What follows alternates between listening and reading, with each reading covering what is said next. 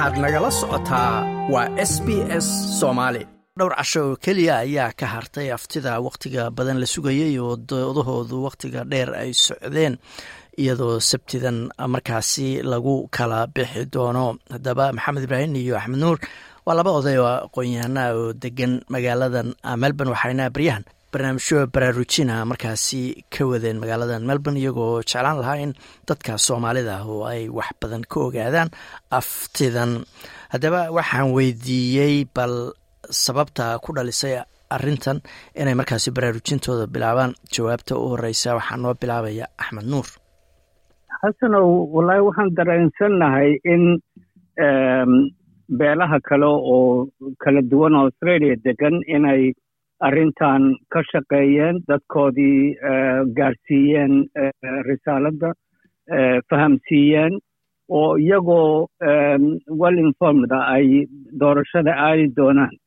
Laakiin waxaad moodaa communitida soomaaliyeed inaysan cod noocaasa lahayn oo gaarsiiya arrintan iyo wixii la mid ah oo u sharxa waxa laga rabo marka mugdi bay ku jiraan. Waxaad maqlaysaa marmar qaarkood codyaal leh waxba igama gelin. Ama kuwo kaloo dhahaya anigu no baan dhahaya marka no qof soomaaliya oo muhaajira qaxootiya oo halkan lagu soo dhoweeyey dadkii koowaad oo dalkan lahaa xuquuqdoodii inay soo ceshadaan laba boqoloo sano kadib waxa weeye waa waajib bay ku noqonaysaa qof walbaan qaba inuu ixtiraamo taas oo ka qayb qaato oo yees yiraahdo. Waa garta maxamed dadka laga yaaba inaysan aad ba ula socon aftidan waxa ay ku saabsan tahay haddii lagu yidhaahdo u sharax maxaad ku tilmaami lahayd ama dhihi lahayd aftidan waa tahay? Horta aftidan yani ma aha sidii doorashooyinkii xisbiyadoo kale ma aha waxa ugu horeeyan rabo inaan jaarida soomaaliyeed aan la wadaago waxa weye horta in dadkii ay fahmaan codayntan ma aha si adoo baarti kala dooranayo oo federal parliament ama state parliament ma aha. Afti loo qaado once in a while oo raba in constitutionka xoogaha la bedelo oo lagu daro dadkii waddankan iska lahaa loo yimid ee laga xoogay in ay helaan cod. Hataa ma aha inay representation helayaan oo baarlamaanka ay soo gelayaan in la siiyo keliya cod ay dowladda wax ugu sheegi karaan markii arrimo ayaga khuseeyo dowladda ay ka hadlayso marka maba aha isbeddel weynba maaha laakiin waa hal tilaab hor loo qaaday wey. Marka dadka annaga waxaa rabaa inay fahmaan yes waa doorasho oo waad codaynaysaa waana khasab haddaadan codaynin waa lagu ganaaxayaa waxaase ka sii muhiimsan rabaa dadka inay ogaadaan dadka annaga soomaaliyeed iyo asxaabtaanada arrintan waa moral issue. Waayo dadkii waddankan iska lahaa ee laga xoogay ayaaba dowladdiiaba u ogolaato le waxaan rabnaa inaan cod ina siino. Marka annakoo soomaaliya oo waddanka qaxootinimo ku mid sida axmedda sheegay inaan ka gaabinoon dhahno no baan dhahaynaa mise waxba nigama gelin waa horta arrin aad looga naxo wey marka haddaan soo koobo codayntan waxaa weeye in la aqoonsado dadkii waddankan lahaa ee dadka madow ee aboriginiga ah inkastoo hadda madow iyo cadaan bay ku jiraan iyo in la respecti gareeyo iyo in la siiyo awood ay dowladda wax ugu sheegi karaan marka amuuro ayaga khusey laga hadlayo. Ma aha amuuraha kaloo dhan ma aha inay dad cashuur ka qaadayaan ma aha waxyaalahaas oo dhan.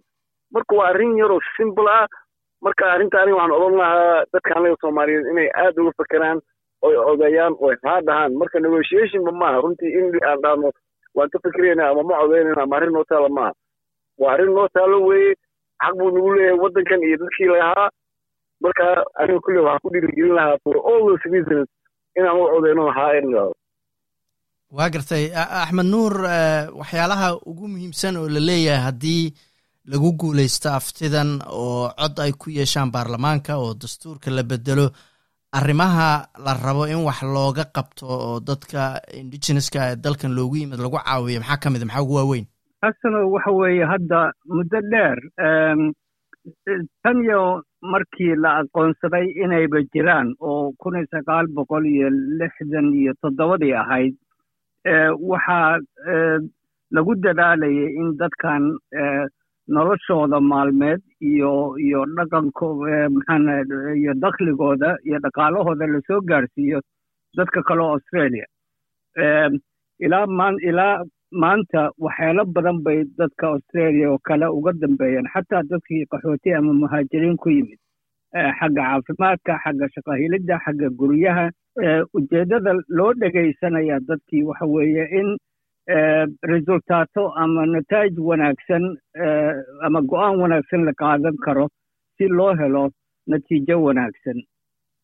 Xagga caafimaadka caafimaadkooda lagu horumarinayo xagga shaqadooda iyo tacliintooda lagu horumarinayo iyo xagga guryahooda iyo degaankooda lagu dhaqaalaynayo marka dadka yes dadka aboriginiska yes aaminsan waxay leeyihiin waxaa caddaatay in hay'addu haddii ay dadka aboriginiska straight islandersku ay gacanta ku hayaan inay shaqaynayso.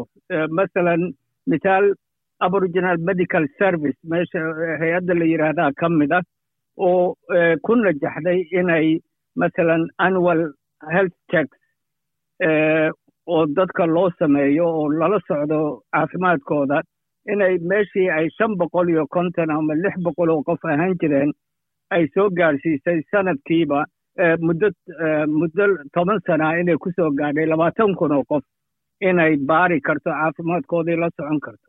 Marka arrintan waxa weeye hay'adda la asaasayo oo voice lagu magacaabay waxay dadkooda gacanta ku haynaya dadkooda darsaya baahidoodii dadkooda u gudbinaya wixii talaa dowladda iyo baarlamaankaba waa gartay maxamed ow dad badan baa ka soo horjeeda barnaamijkan oo maya ugu codeynayo xisbiga mucaaradka uu ugu horeeyo oo liberaalka iyo weliba nationalka oo ay bahwadaag yihiin xataa dad indigenous oo caanoo badan oo aada uga soo horjeedaa jira doodahooda ugu waaweyn oo ay ku doodayaan oo uga soo horjeedaan maxaa ka mid a horta dad badan maaha dad ka soo horjeeda way jiraan oo aboriginal laakiin dad badan maaha. Kuwa xataa waxaa jira la yidhahdo progressive no. Waxay leeyihiin annaka ma rabna keliya in nala siiyo cod aan dowladda markaana ku gaarsiin karna waxaan rabnaa trity in lala saxiixo marka waxaa moodaa inay fikradda khaldan tahay oo xoogaa laga caqli badiyey sababta waxaa weye trity si loo gaaro horta waa in la yaraa qof lala hadlo. Qofkii lalala hadli lahaa hadduu cod ba haysanin xaggee laga bilaabaya marka waxay ku jiraan marka waa arrin la yaab la weyn marka in dadka ay ka soo horjeestaan dadkoodii ay yidhaahdaan waxaan uga soo horjeednaa ma aha inaan diidanahay inaan waxalina waxaan doonaynaa inaan wax weyn sii helno oo trity aan helno. Laakiin waxayse ogeyn ama mooda inay ka hoos baxday. Si trity loo helo waa in la haya horta qof tritigi lala galo. Hadda qofkii lamaba hayaba waayo baarlamaankii representation kuma laha oo voice ma jiro marka meesha way meesha arrinta ka khaldan tahay oo nimankan liberaalkan ay ka faa'idaysteen marka nimankan ka soo horjeeda eele yaan loo codaynin haa shaqadooda ayaga ma aha inay guulaystaan kuwa kale waa inay guulaystaan kuwan they don't care waa ciyaar yaab la were marka ayaga all they have to do waxa weeye inay abuuraan doubt dadka inay shaki geliyaan un keliya. Kiina waxaa moodaa inay ku guulaysteen marka annaka meeshaan ka soo galnaa wey marka haddaan soomaalina waxaan ka soo galnaa dadkan waa inaan u gargaarnaa oo waxaan ku kaalmayn karo ku kaalmaynaa marka arrinta meesha marka halkaa wey meesha ay u baahan tahay in aada looga fikiro. Waa gartay axmed nuurow sida maxamed ba hadda uu tilmaamay cod aruurinimihii u dambeeyey asbuuc toddobaadyadii u dambeeyey taageerada loo hayo codku aad bay hoos ugu dhacaysaa. Intaad adigu maqlaysay maxaad is leedahay dadka australia oo diidan oo ka soo horjeeda maxay tirsanayaan maxay ku diidan yihiin horta sideedaba stateska ama gobollada kala duwan waxaa laga filayaa cod kala duwan. Marka gobollada badiba hadda dowladda laborka ayaa u talisa oo waaweyn sida new south wales victoria western australia south australia soma iyo iyo iyo xataa cambera a c t marka waxaan anigu ku rajo weynahay in ay dadka aqlibiyadooda badidoodu ay maqlayaan dowladda federaalka oo hadda laborka uu haysto oo ay markaas haa ku boodi doonaan. Laakiinse maxamed siduu sheegay fear mongering bakdin in laysku abuuro yay ku dadaalayaan siiba madaxda xisbiga kale oo liberaalka lagu magacaabo. Waxyaalahay bakdinta ku abuurayaan waxuu leeyahay tafaasiil ma hayno hay'adda la dhisay imise qof baa ku jirta ma la dooranaya mise waa la magacaabaya ma sideeba u shaqaynaysaa waxyaalo noocaasa waxyaalahaas marka waa arrimaha baarlamaanku uu dejin doono markii yes la helo oo oo aftidii ay gudubto yaa tafaasiishaas oo dhan sharci lagu samayn doonaa oo baarlamaanka maraya midda ay kalow ku diidan yihiin ama sheegayaan waxa weeye referendumka ama yestan dadkan haddii laga constitutionka lagu aqoonsado wax dhammaaday weeye. Haddi maxay tahay wax dhammaaday? Dalkan dadkii lahaa hadduuna constitution ku jirin haddii la ku royahay maxaa maxaa yaa ku jiraya yaa xaqula inay ku jiraan waxay leeyihiin hay'adda loo samaynayo maxaa keligood loogu haddii keligood loo sameeyo dadkii bay qaybinaysaa. War hadda dadkan waa qolada keliyaoo ka maqanba constitutionkii. Cid kaleoo ka maqan ma jirto. Oo xuquuqdoodii iyo baahidoodii iyo iyo iyo rajooyinkoodii ayna ka muuqan meesha. Soomaali haddaana waa inaan aragnaa siduu maxamed u sheegay meeshan siyaasad maaha. Meeshan waxa weeye xuquuq ay dadkan u leeyihiin in la aqoonsado in markii taa la gaarana xataa heshiis lala galo ama treaty lala sameeyo oo markaas codkoodii uu noqdo cid u hadli karaysa ama hay'adda la samayn doono ay noqoto hay'ad dadkoodii isu keenaysa oo ururinaysa oo markaana u hadli karaysa maxaa yeele hadda waa dadkii dalka lahaa waa ka xoogaa waa kala fidsan yihiin waa kala qaybsan yihiin ma dhihi karo laakiinse waa kala fidsan yihiin dhaakayda hay'addan waa fursad bay u siinaysaa codku inay isu yimaadaan unity ama midnimo yeeshaan waa gartay maxamedow sida axmed nuur uu sheegay dadka diidan waxyaalaha ay sheegayaan waxaa ka mid a in dee aysan rabin dadkii midaba in loo kala qaybiyo qolo gaara si gaara dastuurka loogu daro dadku ay siman yihiinoo baahiyaha dadka indigeneska ay leeyihiin si gaaroo kale wax loogu qabto. Marka ma cabsigelin baabaad isleedahay waxa hadda cod aruurinto kale ay hoos uga dhacayso. Mise su'aalahaasi miyaysan ahayn kuwa macquula? Waxa weye horta aan fahamno pointiga isku haysto. Arrintan waa la siyaasadeeyey oo qolada liberalka iyo conservativeka weligoodba ma ogolaan xuquuqda dadka in la siiyo. Annagana ku jirna by the way aniga waxaan la yaabanaya dadka anaga soomaaliyeed. Annaka nafta anaga soomaaliyed dadkan runta la sheego. Hadday awood lahaan lahayn nooma ogolaan inaan waddankan imaano. Horta taa dadka inay ogaadaan wey marka laba laba point baan rabaa dadka inaan la wadaago. Waa midda hore ee dadkan ay sheeganayaan ay leeyihiin. Dadkii baa la kala soocayaa oo dadkii baa qaarna xuquuq badan la siinaya qaarna aan la siinayn haddaan runta idiin sheego oo waxaan waa too technical like haddaan isku daya inaan soo koobo haddadan aan australia joogno taa nafteeda haddayba jirtaaba waayo bal ka soo qaad northern territory iyo iyo cambra a c t. Marka lagu daro dadka jooga way ka badan yihiin tasmania dadka jooga. Tasmania way ka yar tahay laakiin haddana labada kale laba senatarba midkii haystaan tasmaniana labayo toban bay haysataa marka waa in laisweydaala yidhahda haddaba soo cadaalad ma jirto mii fahamtay macnihii pointigan ma aha yani pointi yani oo siyaasadeyn wey waayo haddaba systemka suu yahay labada territory ma haystaan number u dhigma tasmania ka yar oo ayaa ka badan marka taa horta meeshaan ku daynaya tan labaad arrintan odhanaysa arrintan waxay dadku bay kala qaybinaysaa ama wax kale samaynaysaa ama ama tafaasiil badan baa loo baahan yahay. Taana waa khalad. Sababta waxa weeye constitutionka naftiisa marka la sameeyey tafaasiil ma jirin. Hadda qofkii raba ha akriyo constitutionka. Constitutionka waa un principles. Wuxuu odhanayaa dowladda sidaa ahaanaysaa. Detailska waxaa loo daynaya baarlamaanka markaa jooga. Baarlamaanka waa marka go'aanka gaaraya. Marka nimankan dadkii way ka caqli bayan waxay leeyihiin details lama hayo. Laakiin waxaa la rabaa qofku inuu yidhaahdo oo constitutionkaba details ila buugga iyana weye oo ku sheegaya the principles. Details ma laha marka dadka annaga waxaa rabaa inay fahmaan arrintan si oo gayracaadi ayaa loo siyaasadeeyey. Dadkaan garanaynin dartigaan haynina marka tuun baa la gelinaya cabsi baa la gelinaya marka waxay leeyihiin ninkii madoobaha bijinigaaba gurigay qaadanaya macsuurii kene. Waxaasoo dhan been wey. Waxaasoo dhan siyaasad wey.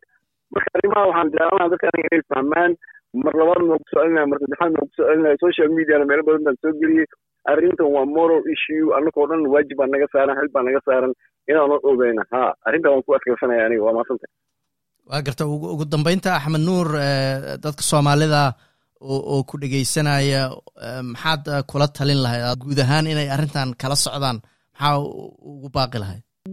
Doorashada afar ama abtida afar iyo tobanka oktobara waa fursaddii ugu horreysay oo dadka soomaaliyeed oo australia soo degay ay haystaan si ay dowr uga qaataan australia iyo mustaqbalka waxay noqonayso iyo iyo iyo jihada u socoto.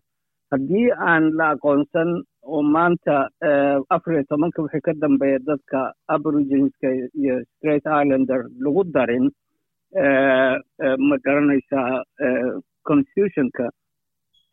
Haddii la ku run yahay waxa weeye australia waxay mudnaanaysaa in la takooro in ay waxyaalo badan oo adduunka uu wada shaqayn oo adduunka ay ka haysatay ay ay weydo iyo in ay dalka gudihiisa laftigiisa kala qaybsanaantii ay qaarkood dadka ku bajinayeen ay runtii timaado kelmadaada u dambaysa maxamed. Xasano waa maasanta aniga waxaan rabaa waan ogahay adiga dee media wadankii waad ka shaqeysaa marka waa inaad impartial ahaataa laakiin aniga dee waxaan ahay tax player qof oo voter australiana marka ii ogolo inaan aniga fikradeeda sheegto endorsementiga sameeyo. Anoo kugu ixtiraamaya shaqada haysi iyo inaad ahaato impartial oo aadan dadkii oran karin hay midna laha laakiin aniga waxaan jeclahay fikradeeda inaan isoo iraahdo waxaan endorse garaynaya inaan ha iraahdo sababtaan u dhahayna waxaa weeye dowladdii nafteeda aan dooranay ayaaba keentayba this voice. Marka mabaha wax khiyaali oo meel banaana laga keenay. Fikradda dowladdeeba ka timid oo dowladdii baaba endorse garaynaysa marka dadka soomaalida waxaan aada ugu dhiirigelinaya arrintan inay mas'uuliyadda iska saaraan oy u odeeyaan ha anoo kugu ixtiraamaya xasan oo waa maasantahay kaasina wuxuu ahaa maxamed ibraahim.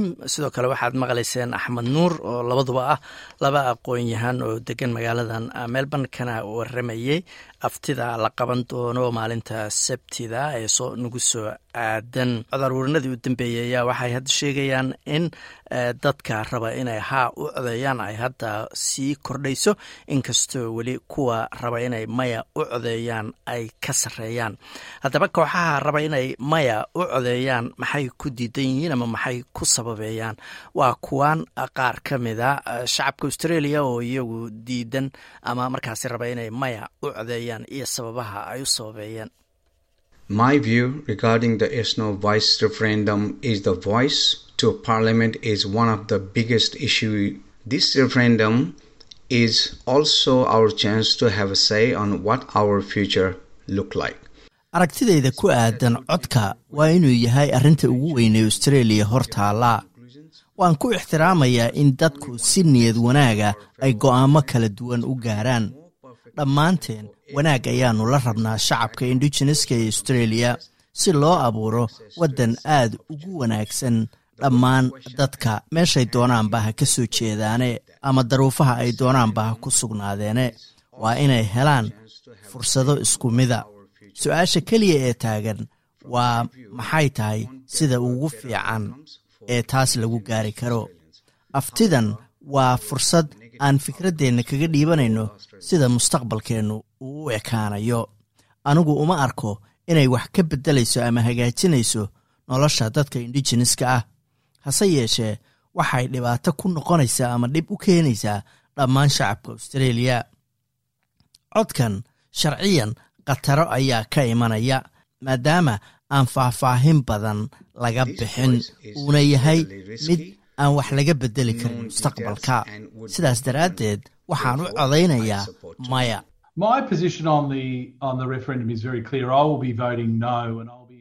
Halka aan ka taaganahay aftida waa mid cad. Maya ayaan u codaynayaa waxaana ku dhiirigelinayaa dhammaan shacabka australia inay maya u codeeyaan. Dhowr sababood ayaana sidaas u samaynayaa. waxaan ka soo jeedaa dadka jinsiyadaha intaa doontaba waddanka jooge marka aad muwaadin noqoto isuma kala qaybin karno midabo iyo jinsiyado. Isuma kala qaybin karno jinsiyado kala duwan oo aannu ka soo jeedno. Walaaca aan ka qabo codkan laybarku keenay waa in markii ugu horreysay taariikhda ay doonayaan inay shacabka australia u kala qaybiyaan jinsiyado